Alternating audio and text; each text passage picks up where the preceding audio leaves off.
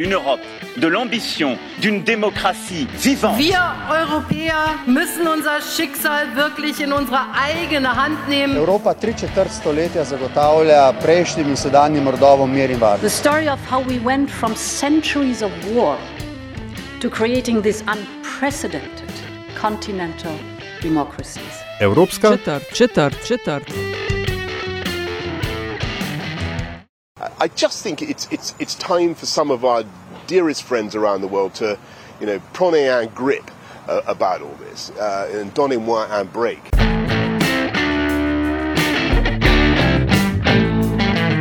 Spoštovane in cenjeni, dobrodošli v podkastu Evropska četrt, podkast o vsem, kar vas bo zanimalo o Evropski uniji, pa niste vedeli, koga vprašati.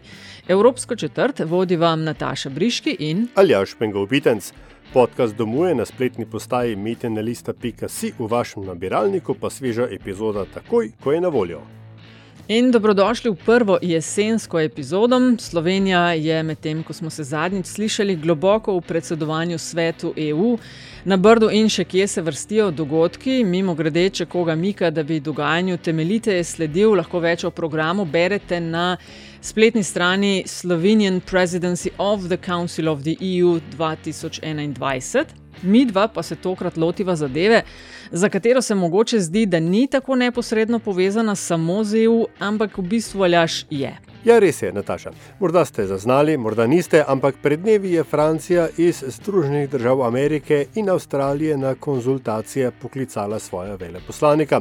Razlog je bil avstralski odstop od več deset milijard dolarjev vredne pogodbe s Francijo za gradnjo flote podmornic in hkratna ustanovitev zavezništva med ZDA, Avstralijo in Veliko Britanijo, domišljijsko poimenovanega AUKUS, ki, kakšno na ključje, predvideva avstralski nakup flote ameriških podmornic.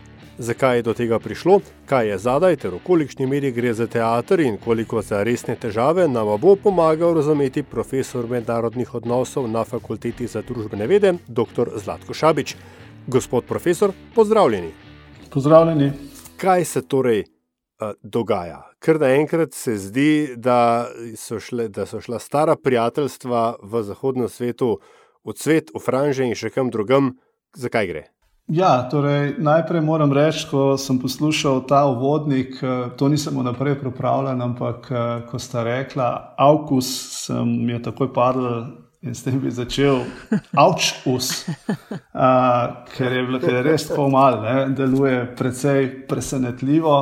Uh, ne vem, od nekje uh, privlečeno, in ja, mogoče tako malo domišljijsko, so pa zadeve dejansko zelo resne. Uh, Um, namreč to, kar se je zgodilo, to, to težko popišeš uh, slovo v nekih zgodovinskih knjigah. Ne? Oziroma, ko si človek že misli, ne, da imamo neke, uh, bom rekel, resne uh, povezave, strateške povezave, dovolj stabilne, sploh v tem obdobju komunikacij, v katerem smo danes, ko se lahko uh, praktično v stotinki sekunde izmenjaš uh, mnenja z uh, torej različnimi partnerji po svetu. Uh, da seveda do to vrstnih avčev ne bi prišlo. Ne. Včasih v preteklosti so seveda te nenačelne koalicije, pa spreminjanje koalicij, kot vemo, prva, druga svetovna vojna, se je to pogosto dogajalo. Tako da ja, zadeva je resna. Resna je torej zaradi tega, ker tukaj imamo tri različne zgodbe. Imamo britansko zgodbo, imamo ameriško zgodbo, imamo seveda zgodbo Evropske unije. Vse skupaj pa so zgodbe, ob katerih se Ljudska republika Kitajska mirno sedi v naslonjaču, smeji in pije neko kitajsko verzijo Coca-Cola.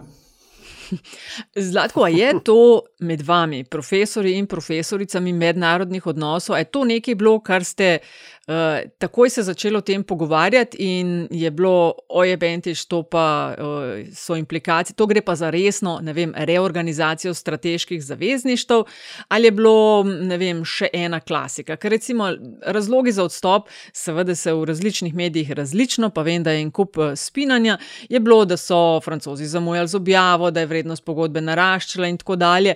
Ampak ni nujno, da je samo to. No? Um, Tukaj je pravzaprav več razsežnosti. O nekaterih govorimo bolj, nekaterih manj, uh, ampak seveda vsta, uh, vso to območje jugovzhodne Azije ne, uh, ima bolj ali manj, no, bom rekel, torej, ima nek odmev v, tudi v Sloveniji, ne tudi na politični ravni, ne na zadnje. Ne. Kot veste, ne, nekaj, o čemer seveda v slovenskih medijih ni ogromno prostora namenjeno, ne, ampak seveda v nekih drugih, bom rekel, zdaj ne vem, krogih, ne pa seveda to, recimo, ne, da je predsednik vlade Janša ne, podporil Litvo, ni ostalo neopaženo, ne, uh, ko je šlo za um, neko mečkim boljše odnose s Tajvanom. Uh, in tukaj imamo nekaj podobnega. Ne. Ni to, uh, bom rekel, uh, zelo odmevalo. Uh, ni pa odmevalo zaradi tega, ker, uh, po mojem mnenju, saj zaradi tega, ker seveda to je nek, nek oddaljen uh, prostor. Um, ampak ja, ima pa neposredne, neposredne posledice. Ne, bom zelo konkretno povedal. Ne. Mi vsakodnevno, ne, tudi v naših analizah, po televiziji, po radiju, ne, učimo celo o tem, ne, o Evropski uniji kot globalnem akterju ne, in se jezimo, kako ta Evropska unija je impotentna in tako naprej. Um, Tle imamo zdaj eklatanten primer, uh, ko uh, to ni več samo uh, neko, neka šala ampak je zadeva zelo resna. Torej, Francija je daleč, zdaj ko Velike Britanije ni, na globalni ravni daleč najbolj izpostavljena članica Evropske unije, ima največjo odgovornost eh, v tem kontekstu, ima največjo težo v zonani politiki in Francija je bila odrinjena na stran.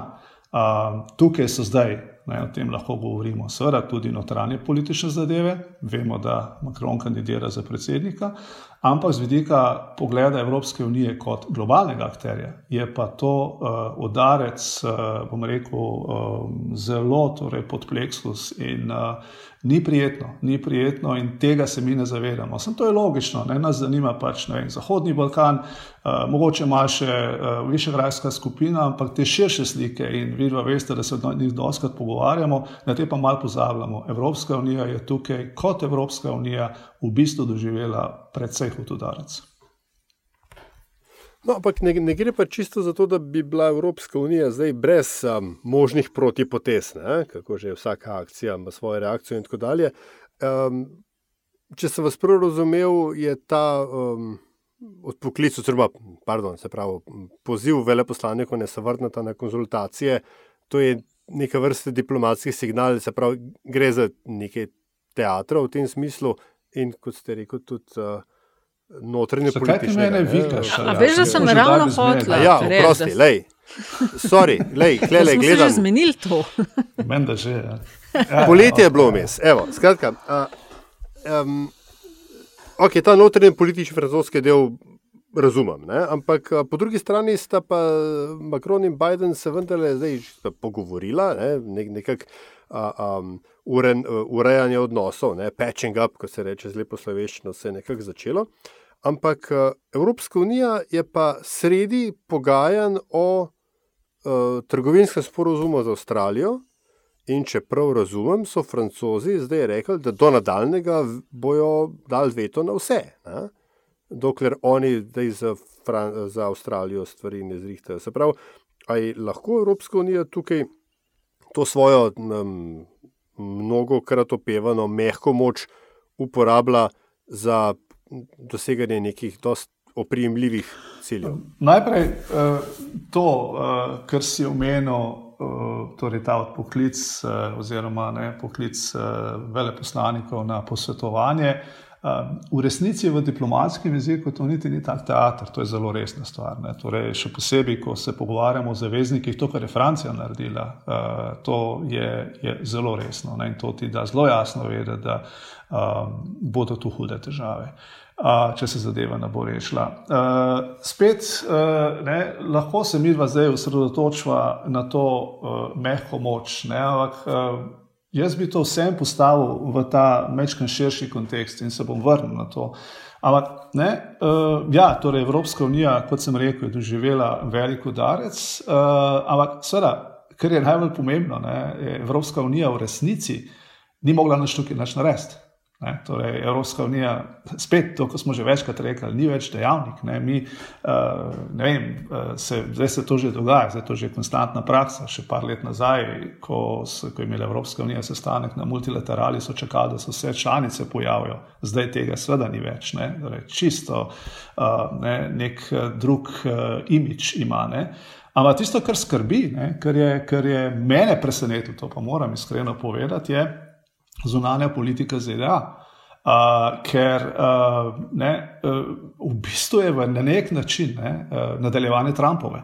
Ne. Trump se je umaknil iz uh, Evrope, ampak on to nikaj preveč skrival. Je to zelo jasno, da vedeti, da mu Zahodna Evropa oziroma Evropska unija ne pomeni zelo veliko.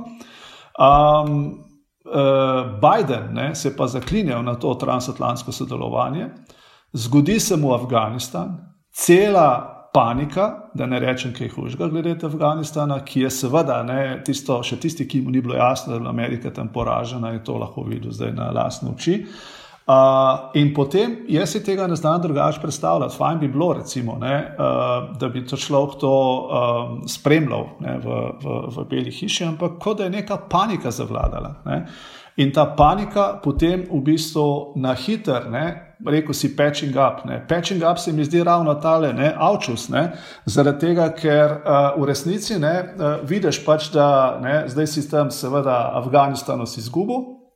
Um, ev, ev, torej, ne, ti moraš v bistvu zdaj ukrepiti to svojo, ne, uh, rekel zdaj to Indo-Pacifiško, oziroma še bolje jugovzhodno-azijsko, jugovzhodno-azijski teater. In zato ti rabaš Avstralijo, in zato ti rabaš, rabaš recimo temu seveda Veliko Britanijo, ki kljub temu, da ni več članica EU, je, je seveda še vedno velika sila. Ne. Uh, kar v tej enačbi ne gre skupaj, je seveda ne, uh, ta Francija, ne, ampak uh, očitno, jaz si to pravim, to čisto gibam, ne, ampak očitno je pač v tem delu, ne, kako je zdaj, kako mora biti Avstralija, ki je seveda bliže Kitajski, ne, upremljena za to, da predstavlja dovolj velik ustraševalni učinek vizavi Kitajski, je očitno, uh, Francija, uh, je očitno Francija bila žrtva. In zdaj ta mehka moč, o kateri govori, se v bistvu v tem uh, kontekstu, v, tej, v tem scenariju, v resnici izgubi. Uh, Francija si mora upreti obraz in Francija bo blokirala vse, kar je povezano zdaj z. Um, ne vem, koliko v bistvu bo pri tem delo šla, ampak Avstrija, Avstralija je seveda šipka tarča. Uh, kakorkoli to obrnemo. Ampak Avstrija, se, Francija si mora rešiti uh, obraz. Uh, kaj pa to pomeni v širšem kontekstu, ne? je pa seveda veliko vprašanje. Na prvo žogo se mogoče sliši, tudi jaz sem tako, Nataša se bo spomnila, ne? na prvo žogo rekel. Ne? eh, ne, sej pač ne, jasno, ne, ampak ko ti vidiš, ne, ko se ti mečkam bolj poglobiš, uh, in jaz seveda zelo z veseljem priznam, da sem mogel to tudi, ko sem se pripravljal na to, vdajo narediti, človek pač ne more vsega vedeti, ne, ampak seveda, ne, Francija igra v tem, bom rekel, uh, ne, Indijskem oceanu, ne, oziroma v tem jugovzhodno-indijskem oceanu, uh, uh, zelo veliko vlogo. Ne, eh, ona je tam prisotna z vojaškimi silami, z robustnimi vojaškimi silami, zelo veliko v to investira in Francija je akter. Ne, in eh, to, kar je, če zdaj vzamemo na tak način, to, kar je VZDA naredila, v bistvu si odrezala del noge. In tega dela pri, uh, jaz moram reči, ne razumem. Ja, pri čemer je to je tudi mene zelo presenečalo, veš, ker Francija in Amerika imata eno posebno vez vse od ameriške revolucije dalje, ne? ko so francozi s svojimi voj, vojaki jim pomagali uh, neodvisnost uh, pri Borici. Ne? Zdaj ti trgovinski pogovori za Avstralijo gre za avstralsko, v glavnem, no, v srcu tega ta avstralska govedina, pa mlečni proizvodi na evropskem marketu, tako da to še vidimo, ne, če bo eh, Francija dala ali ne dala zeleno luč. Je pa tako zlatko, tudi kot si sam rekel, zdaj sem pozabila, kdo je avtor sicer tega stavka. It's packaged in a nicer words. It has a friendlier face than Trump, but Biden's policy is America first. E, če bi to naredili v času Trumpa, si predstavljam, da bi bila da bi bil halo na nekaj potenc večji, mhm. kot smo ga videli. Mi se, ja, mi pa se o tem govorili in jaz mislim, da, da so tukaj uh, zelo hitro uh, se zedinili. Jaz se s tabo globoko strinjam. Jaz moram reči, da uh, me, zelo, me zelo preseneča. Torej, ena stvar je, uh, torej, dejansko, ja, dejansko je ta poznana politika je nadaljevanje ne, uh, te Trumpove politike. Ne, uh, pa začneva z Afganistanom, eh, pa začneva s tem eh, fokusom na, eh, torej na Kitajsko in seveda v tem kontekstu je vse temu podrejeno. Um, ni pa noben multilateralizem uh, v resnici zaenkrat, kot deluje, mislim, vse nekaj, ne? to ni, to je v drugem planu. Tega ti, če, ti, če ti resno razmišljaš o NATO, o zvezi NATO kot nekemu realnemu krilu vojaško-političnem, z vidika ZDA kot neke vele sile, če, to, če ti to resno jemliš, tega Franciji seveda ne narediš. Ti se lahko dogovarjaš, domnevam, ne, da uh, poveš v bistvu, da se dobi, če recimo to res, kar francozi pravijo da se v bistvu v tem nismo več vedeli, da se je to zgodilo čez noč. Jaz seveda tem stvarem, da smo vsi čisto pošteni, eh, ne verjamem, ne, ker to, to ja, ne ja. deluje čisto v zunani politiki in diplomaciji. Ne.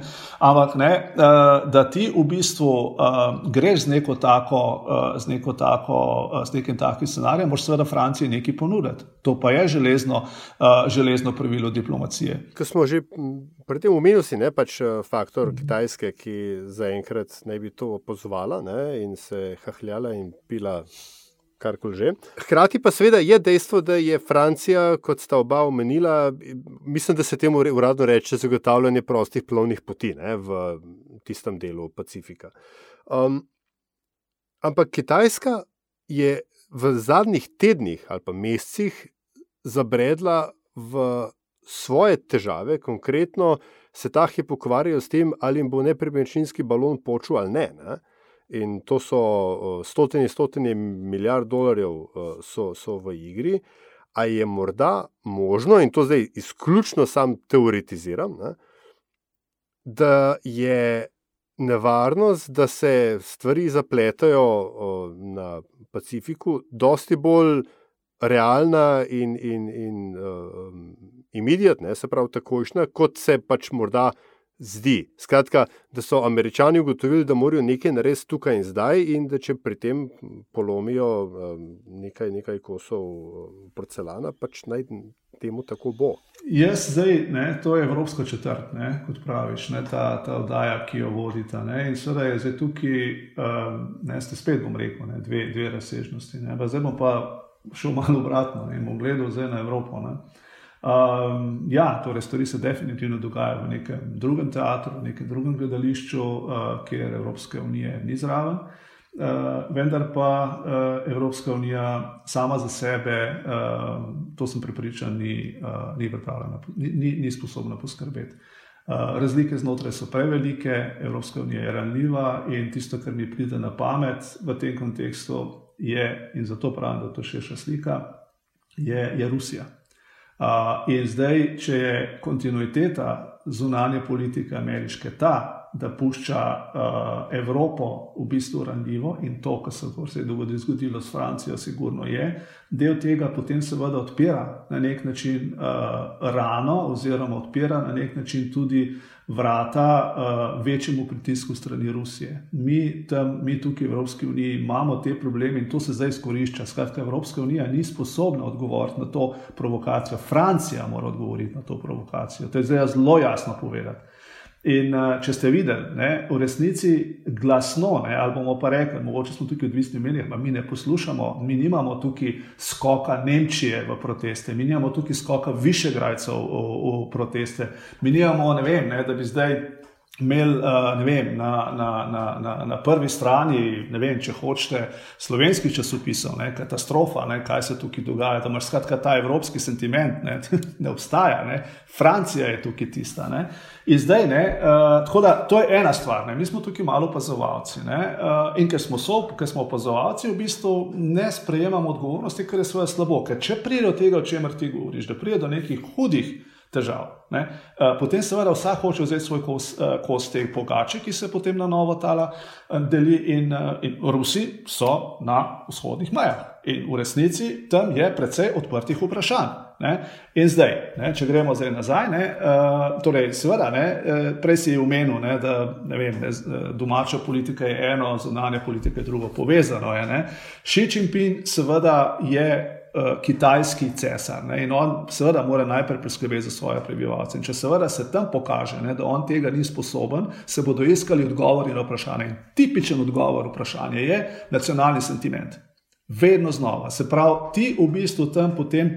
In mi natančno vemo, Torej, uh, ljud, mladi, ne, vojaki, ne, še posebej vojska, ne, uh, oni so v bistvu, torej, to, je, to, je, to je nacija, ki je, ki je tako motivirana glede Tajvana, da si mi to verjetno tudi težko predstavljamo. Tam je dobesedno, torej, če bi prišlo do tega, da se da zelena luč napada na Tajvan, ve, druge so še premisleki. In če gledamo zdaj z posameznika, ma to sploh ni debate. Ne. Oni so res ne, nabildani, ne vem, zmotivirani, no, da uporabim lepšo besedo, da uporabim uh, torej besedo, ki recimo no, spada v nekakšen ta medij. Uh, mi pa še kakšna druga pada na pamet, ampak ja, ne, torej tam ni. Ne, zdaj recimo, če tam preskoči. Ne, je pa dejstvo, ne, da se potem prvič postavlja vprašanje, uh, ali bodo američani. Ali vejo, da je to njihova, njihova, njihova bitka? Če vprašaš kongres, absolutno. Amerika mora tam imeti to vojno. To sploh ni debate, kar se tiče ameriškega kongresa, oba doma. Ne? Kitajci, sem rekel, imajo to svojo zgodbo. Recimo, da se da dejansko ratajo nervozni. Mi vemo, če si že govoril o financah, ne? da je v bistvu, ne? da je, če malo poenostavim, Amerika pred bankrotom. Ne? In v resnici ne, imaš ti res v bistvu tukaj dve popolnoma zblaznele, uh, dve vele sile, ki lahko se potem tam usedeta, oziroma kot sem rekel, ne, sesujeta, uh, sesujeta tam na, na tistem nesrečnem Tajvanu, ne, uh, prije do globalne krize, kar naenkrat v bistvu pravila več ne veljajo. Določene stvari, za kere itak vemo, pa se pretvarjamo, da, da to niso to, ali recimo Krim postanejo seveda del, uradni del ruskih meja, kaj iz tega lahko še vse pride, pojma nimam, ampak to je kot oba veste, to je scenarij vsake vojne. Ko enkrat do vojne pride, so vse karte odprte in, uh, in tle mi, kot Evropska unija, nažalost, tudi kako funkcioniramo znotraj, nosimo velik del odgovornosti. Jaz se ne morem znobiti tega občutka komunikacijskega sajno, da je Francija v bistvu zdaj tam nam rekel, zdaj sama pa definitivno uh, prevladuje v tem diskursu. No, bom jaz tukaj nadaljevala še z moje zadnje vprašanje. Ne? Prej si omenil, da je Francija mednarodno gledano najmočnejša sila EU uh, trenutno, ampak Francija je tudi, seveda, vojaško z naskokom najmočnejša. S tem, ko so Britanci šli iz Evropske unije, je sama Evropska unija v tem pogledu veliko izgubila. Ne? Kakšna, v redu, klofuta EU, kako pa vidiš uh, prihodnost NATO? Um. Ker američani so recimo, tu, a veš, Trump, pa prej vsi ostali, da je treba več dajati za obrambo. Ne? Evropa je, je tako. Um, Ni, bom rekla, trendsetter je normsetter, setter neke sorte. Ne? E, težko pa tisto, kar dela, podkrepi uh, en plakat. Um, me je zabaval, v, mislim, zabaval, se mi je zdel zanimiv, ker sem bila enkrat v Pentagonu. No? Um, Tako ogromna letalna nosilka, ameriška gorpa, napis, mislim, da je bilo tako 30 tisoč ton diplomacije. Kakšna se ti zdi prihodnost NATO, ko gre za to, da se američani odmikajo ali pa so tako za irrelevantno jemljajo EU, tudi zaradi tega, ker vojaško smo tako, nikakršen faktor. Ja, torej, uh, vsekakor ne kaže ne, zanikati uh, poskusa truda, ne, da bi Evropska unija imela neko svojo torej, neobrambno in vojaško politiko. Uh, tukaj zagotovo je bilo že leženo veliko dela, seveda se je to uh, na nekih točkah ustavilo, ne vem, ne, seveda še posebej z Veliko Britanijo, uh, ampak uh, uh, to, je, uh, to, je, to, to je v bistvu, spet bom rekel, ne, danes sem bolj na teh dveh dimenzijah, ne, ampak jih izpostavljata, ne, tako da me potem zaintrigirajo. Ne. Ena je ta mehka moč. Ne. Um, v mehki moči ne, se zelo veliko govori, ne, ampak uh, jaz moram reči, da, ja, da to seveda v nekih normalnih okoliščinah ne, je to hvaležna razprava za akademsko debato, tudi za, bom rekel, policy debato. Uh, konc koncev, seveda je pomembno, ne, da vsaka država z nekimi svojimi ekonomskimi stimulansi pač poskuša spremeniti neko politiko, ampak. Uh, to sta dobro rekla, da kako koli obrneš, ne, uh, tista palca nekje more biti. Ne. Uh, in zelo dober primer je, uh, če hočete, imamo neposredni bližini, ne, um, Bosna in Hercegovina. Torej, ni za, torej, ni za dojeti, koliko milijard evrov je zmetala Evropska unija v Bosno in Hercegovino. Kaj se je spremenilo? Nič. Uh, tako da uh, ne, to, to je recimo tisto, in potem seveda ne, lahko gremo potem še na druga zunanje politične področje, ampak ta se mi je zdel en tak, ne, uh, tak pač uh, zanimiv. Ne. In zdaj, ne, v tem kontekstu, seveda, ne, No, pa recimo, ne, če hočete, no, še mogoče to, no, recimo po drugi strani Kitajska, ne, um, drugače deluje. Ne, deluje v tem smislu, da ne pogojuje po gospodarske pomoči, ampak seveda ima pa tudi neke, dru, neke druge konkretne zahteve. Ne, in če te zahteve ne funkcionirajo, potem pač te gospodarske pomoči ni več. Ne, to pa je ta palca, o kateri sem prej govoril. Um, NATO, um, jaz moram reči, da um, NATO.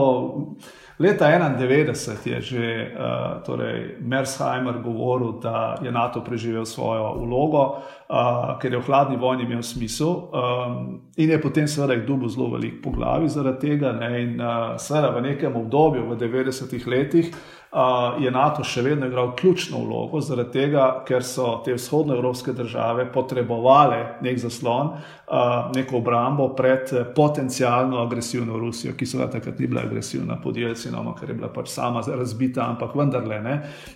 To recimo človek še razume. Ne. Potem pa pride. Do vprašanja, in recimo, ne, ko se pač nekako pokrije ta vzhod, se ta zgodba nekako zaključi. Ne. Potem pride pa do vprašanja vizije. Kje vidimo NATO čez 20 let, čez 30 let. Jaz ne vem, kako to vidi, vidite, ampak jaz ga ne vidim. Ne vidim zaradi tega, ker vidim, kako se stvari dogajajo znotraj. Uh, preprosto uh, ni zunanjega, uh, torej ne, zunani sovražnik, morda tako, kot sem prej rekel, ki bi motiviral, je eventualno Ruska federacija. Ampak ne, uh, ta transatlantski vidik se zgubi, ker ZDA je večkrat, že od Obame, naprej je ZDA zelo jasno povedala, da uh, ko gre za buc, se pravi za njihove vojaške škorne, se ona tam ne vidi. Ne vem, ne, Ukrajino, niti podrazno, pa tudi sicer si težko predstavljam, ne vem, kaj bi se lahko zgodilo, če bi prišlo do neke druge agresivne eh, aktivnosti Ruske federacije. Niti nočem razmišljati o tem. Ampak, uh, uh, ne, uh, kar je zares vprašanje, ne, se pravi, po eni strani NATO Tako kot je, po mojem, nima, ga ne vidim čez 20 let. Kar pa je pomembno vprašanje, je Evropska unija brez ZDA, ker eh, sedanja zonalna politika, sedanji trend zonalne politike, ki ti dobesedno kaže, da ni interesa, da tega, te transatlantske povezave ni več, Je pa seveda zdaj vprašanje, ki se ga mora pa Evropska, Evropa, če hočeta postaviti, je, ali bomo mi drugače razmišljali, ali bomo dovolili te višegrajske in podobne frakcije, ali bomo ugotovili, da je naša širša slika, da če se mi ne bomo skupaj vzeli, potem smo mi glavna tarča, smo mi najšepkejši, imamo mi najbolj mehak trebuh. In tega premisleka ni. Torej, uh, obstajajo razno razne manjše grupacije, ki razmišljajo, ki že kar vidijo, vem, da bo tudi Evropska unija razpadla. Ne? Ampak pustimo to ob strani. NATO, NATO, prihodnost, vizija, ki jo jaz vidim, mi je pa seveda nejasna. Vem, kaj je cilj, kako do njega prijeti, pa ne vem. Je v bistvu uh, neka druga organizacija, ki nastaja, kjer je ZDA partner. Pomemben partner, ampak partner. Ne? In zdaj v tem kontekstu pa jaz potem vidim ne, uh, definirano Francijo, definirano vlogo Francije, definirano vlogo uh, eh, ZDA, pa se pričuje Nemčije in ja, tudi Velike Britanije, ki verjetno bi bila v to motivirana. Za Veliko Britanijo, po mojem globokem prepričanju, je ZDA, kljub tem blaznim strohov, uh, zgodovinskim uh, povezavam, je kljub vsemu predaleč. Evropa je tista, ki je za Veliko Britanijo vendarle strateško zelo pomembna. In tukaj jaz vidim možnosti. Ne? Ampak kot rečeno, to ne bo zdaj na jutr.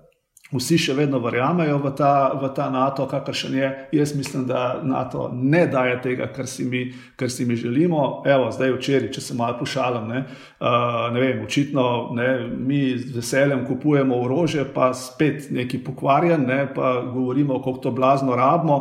In uh, mislim, jaz ne vem, da če gremo v trgovino, pa kupim bicikl, no, ne vem, pa že kup tu, če je drag, no, pa že gledam, da, da dela, no, jaz ne vem uh, malo šala. No? Ampak v resnici gre pa, gre, to je v bistvu del temu rekel, te širše zgodbe, no? razvoja um, ver, ver, torej vere v to, v to organizacijo. Ne? Če ti pač verjameš v neko zvezo NATO, pričakuješ tudi, da bo navznoter na, na uh, tudi ti dajala nekaj. Ne? In jaz mislim, da v tem trenutku gre samo, da mi dajemo, dobimo pa bolj malo. Ne mislim samo Slovenijo, mislim, da vse države članice. Eh, hvala, Zlatko. Ali imaš ti še kaj za dodati? Uh, ne, ne, hotel sem uh, kaj pripomniti tem, da če se je pa med transportom pokvaril. No. Ja, ja, ja, no, no, le, Hvala, Zlatko, ja. za naslov, avčko. Ja, nekako, ne, se pravi, to sem bolj za šalo rekel, vse si znam predstavljati, da seveda je ministr naroden. Ampak vse veste, no, to so ta vprašanja, vprašanja oboroževanja in tako naprej, ne, so notranje politične, so blazno občutljive. Ne, in že tako so te zadeve, ne, sploh glede na to, kar mi vidimo, uh, kje vse dejansko Slovenija potrebuje sredstva. Pa ne, da deluje populistično, lejte, to so dejstva. Uh, no, ampak, ja. ne, je, ampak je pa zanimivo, ne, ena Francija, ena Francija odpokliče veleposlanika, ko gre v orožarski posluh, frago. Mm -hmm ena Slovenija pa ne. ne. Ja, se pravi, lej, eh, ne vem, to je v bistvu, to je v bistvu ena taka, bom rekel, mogoče kavica z obramnim ministrom, mogoče pa to naredite za naslednjo, uh, naslednjo podcast. Okay, hvala, Zlatko, da si nam pomagal tale avčkus uh, postaviti v kontekst. Uh, se slišmo še kdaj? Z veseljem, najlepša hvala vam za povabilo. To je bila Evropska četrt, 76. podcast Vesolju. Hvala za vašo pozornost, predlogi in mnenja pa kot vedno zelo dobrodošli. Hvala pa tudi za vse pohvale in kritike, ki jih delite z nama. In res hvala za investicije, ki jih namenjate razvoju in produkciji naših vsebin. Avtor glasbene podlage je Peli iz podcasta Upravičujemo se za vse nevšečnosti. In če vam je vsebina všeč, bo pomagalo, da nas najde še kdo, če naj ocenite pri vašem izbranem podkastu, ponudniku ali ponudnici. Sicer pa hvala za vašo družbo in se slišimo spet k malu.